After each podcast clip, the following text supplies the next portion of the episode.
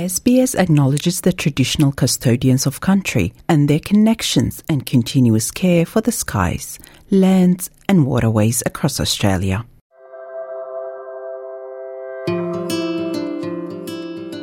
You're listening to Australia Explained, an SBS audio podcast helping you navigate life in Australia. Hi, do you want to know how inheritance law works in Australia? So, when a person dies without a will, this is called dying intestate.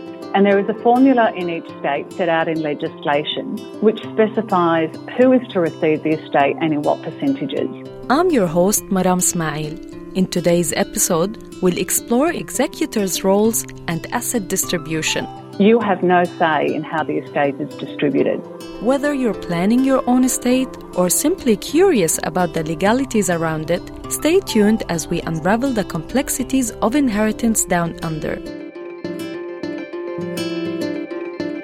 Unlike some other countries, Australians do not pay the inheritance tax on the assets they inherit. Even so, strict inheritance laws are in place, and with more than 50% of Australians dying without a will, the courts often intervene. When someone dies, they can leave behind assets passed on to relatives or friends. This is known as a deceased estate, and those who receive it become the beneficiaries. Melissa Reynolds is the Executive General Manager of Trustee Services for State Trustees Victoria. She explains the types of assets that people can inherit. Assets can be things of commercial value, like houses or bank accounts, cars, shares, or household contents but it may also be items of sentimental value. An asset can be gifted specifically. I give my car to person A, or it may be a legacy, like I give my neighbour the sum of $10,000. Or an asset may be left generally. For example, I leave the whole of my estate to my children. Inheritance is more straightforward when someone has prepared a will, outlining how they wish their estate to be distributed after death. In the will, a legal entity known as the executor is appointed to act as a trustee of the state.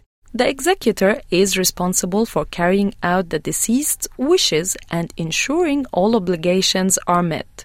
An executor can also be a beneficiary. Floranti Abad, who has practiced law in both the Philippines and Australia, says in cases where an executor is not designated, the courts may need to intervene. If there is no appointment in the will for executor, then the Supreme Court will appoint the applicant who seeks to apply for that grant, and that applicant is called a trustee or administrator. The executor is a trustee appointed in the will, and the administrator is a trustee appointed by the court but not in the will. Suppose you've been appointed executor but feel you can't manage the duties in that case, you can authorize your state trustees to act on your behalf. This government agency assists the public with end of life matters. An executor must contact the beneficiaries and apply for a probate. Melissa Reynolds explains. Probate is a court order and it proves that the will is valid and it permits the executor to administer the estate. The Supreme Court records every application for a probate you can view the Supreme Court probate registry in your area.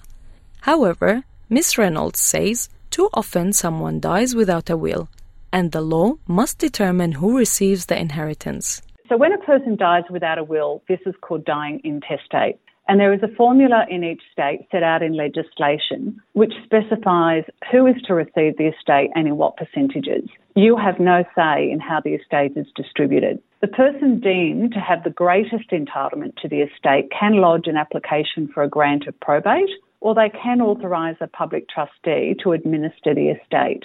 The formula used to distribute assets without a will is called the Succession Act. Most assets usually go to the surviving partner, with the remainder to any children. For example, Mr. Abad says the New South Wales Succession Act lists the relatives in a particular order. If there is a spouse or a de facto partner and there is no children, all of it will go to the partner.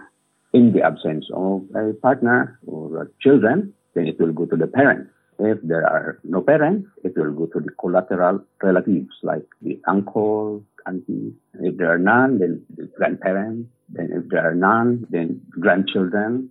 And then if there is really nobody, then it will go to the state. Fortunately, we don't pay inheritance tax in Australia, but there are financial obligations to be aware of. The Australian Taxation Office applies taxation rules to inherited property if you decide to sell. Certified Public Accountant Akram Al Fakhri explains. There's no tax consequences to the deceased estate if it was the deceased residential house. But if there was two properties and one was rented out, the residential property is tax free, but the investment property would attract capital gains tax. CGT applies when you sell an investment property that was purchased after 1985. Mr. Al Fakhri says the usual advice is to pass the property on to the beneficiaries rather than selling them first even if the plan is to divide assets among family members, because there is a tax free period on residential properties. You've got a two year window to sell without incurring capital gains tax if you're a beneficiary. But if the beneficiary uses it as their principal place of residence, then that will carry forward. Like the deceased had it as a residence, the beneficiary has it as a residence, and even if you exceed the two year period, it'll be tax free because it was never used for income producing purposes. Bank accounts are also inherited. Therefore, you must declare any bank interest in your tax return. If the estate includes shares and they are converted to cash and divided among beneficiaries, you'll also pay CGT. Mr. Al Fakhri says the tax free window applies if you inherit an overseas property. For example, if it was a place in Europe that was sold within that two year period and then the money comes to Australia, it's declared and it falls into the Australian rules and, and it becomes tax free. The only problem would be that if there are peculiar tax laws in the particular country that it was sold in, then perhaps the transaction would be caught by the tax regime of the country it was sold in. Special CGT rules apply when a beneficiary is a non resident, so it's best to seek professional advice. But what if there is no will, or you believe you are entitled to an inheritance but aren't included in the will? You have the right to challenge that under the Succession Act. This process is called a public family provision claim. Florentine Abad says the Supreme Court can even vary the will. You just have to make a justified claim. You cannot be entitled just because you're a former wife or a son or a daughter. You need to establish the financial connection and how you are being deprived because this is died and there is no adequate provisions being provided to you under the will. So there is no hard and fast rule, but uh, the Supreme Court will take into account the circumstances surrounding your claim. Inheritance can get complicated, but help is always available. Organizations such as the Law Institute of Victoria and Law Society of New South Wales can provide lists of solicitors in your area who may be able to speak your language or practice in deceased estates. Melissa Reynolds says there are also state trustees in each state and territory. The public trustee or a solicitor who specialises in deceased estates will be able to provide assistance. You can access free guides on things like making a will and acting as an executor on the State Trustee website. Thank you for listening to this episode of Australia Explained, written and produced by Melissa Campagnoni and hosted by me, Maram Ismail. Australia Explained managing editor is Rosa Germian. Until next time. This was an SBS audio podcast. For more Australia Explained stories, visit sbs.com.au slash Australia Explained.